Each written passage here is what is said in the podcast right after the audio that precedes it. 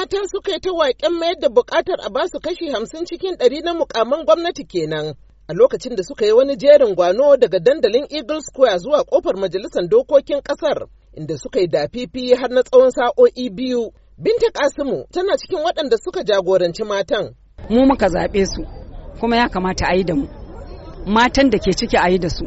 shi ya sanya muka zo mu nuna musu cewa muna nan kuma idan kina idan kina cewa ayi da ku me kike nufi a a ba mu matsayi mu ma yadda ake ta ba komi. Ai ɗauki dora ma ake ta yi yanzu. Ba wai yan majalisar suka zabo inda ake so ba. A ɗauki dora ake yi. Mu a mu ma a ga in ba zaɓen namu za a yi ba. Tsohuwar shugabar ƙungiyar mata yan jaridu madam Evelyn Onyilo ta ce sun fito kwansu da kwarkwatansu ne domin har yanzu shugaba Buhari ba shi da adadin mata a gwamnatinsa. Saboda haka take cewa shi Mr. President har yanzu bai kai 30% ba balle 35. Son mu nema mata goma sha shida. Ya kamata a cabinet din Mr. President.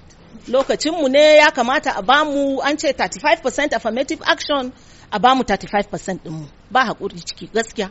Ita ma Hajiya Maryam Aliyu Abdullahi tana cikin shugabannin ƙungiyar haɗakar ta ce sun zo majalisa ne domin a nan ne suke da wakilai.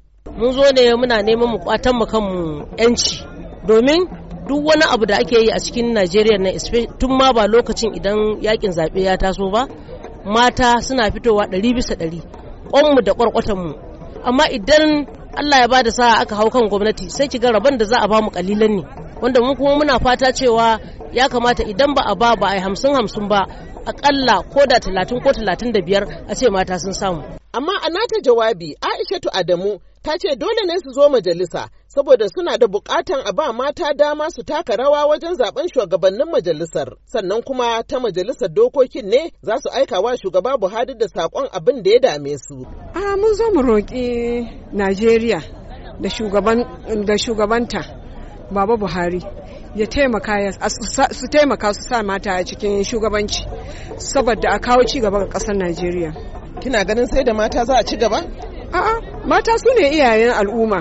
Su suke girmar da mazajensu na aure, su suke girmar da 'ya'yansu maza da mata, su ne masu tarbiyyar al'umma. Saboda haka mata kuma suna da ilimi.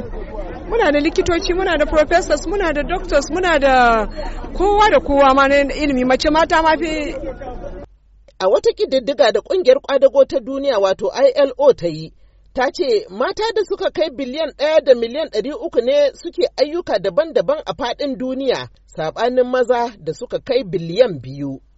Madina Dauda, sashen Hausa na muryar Amurka daga Abuja, Najeriya.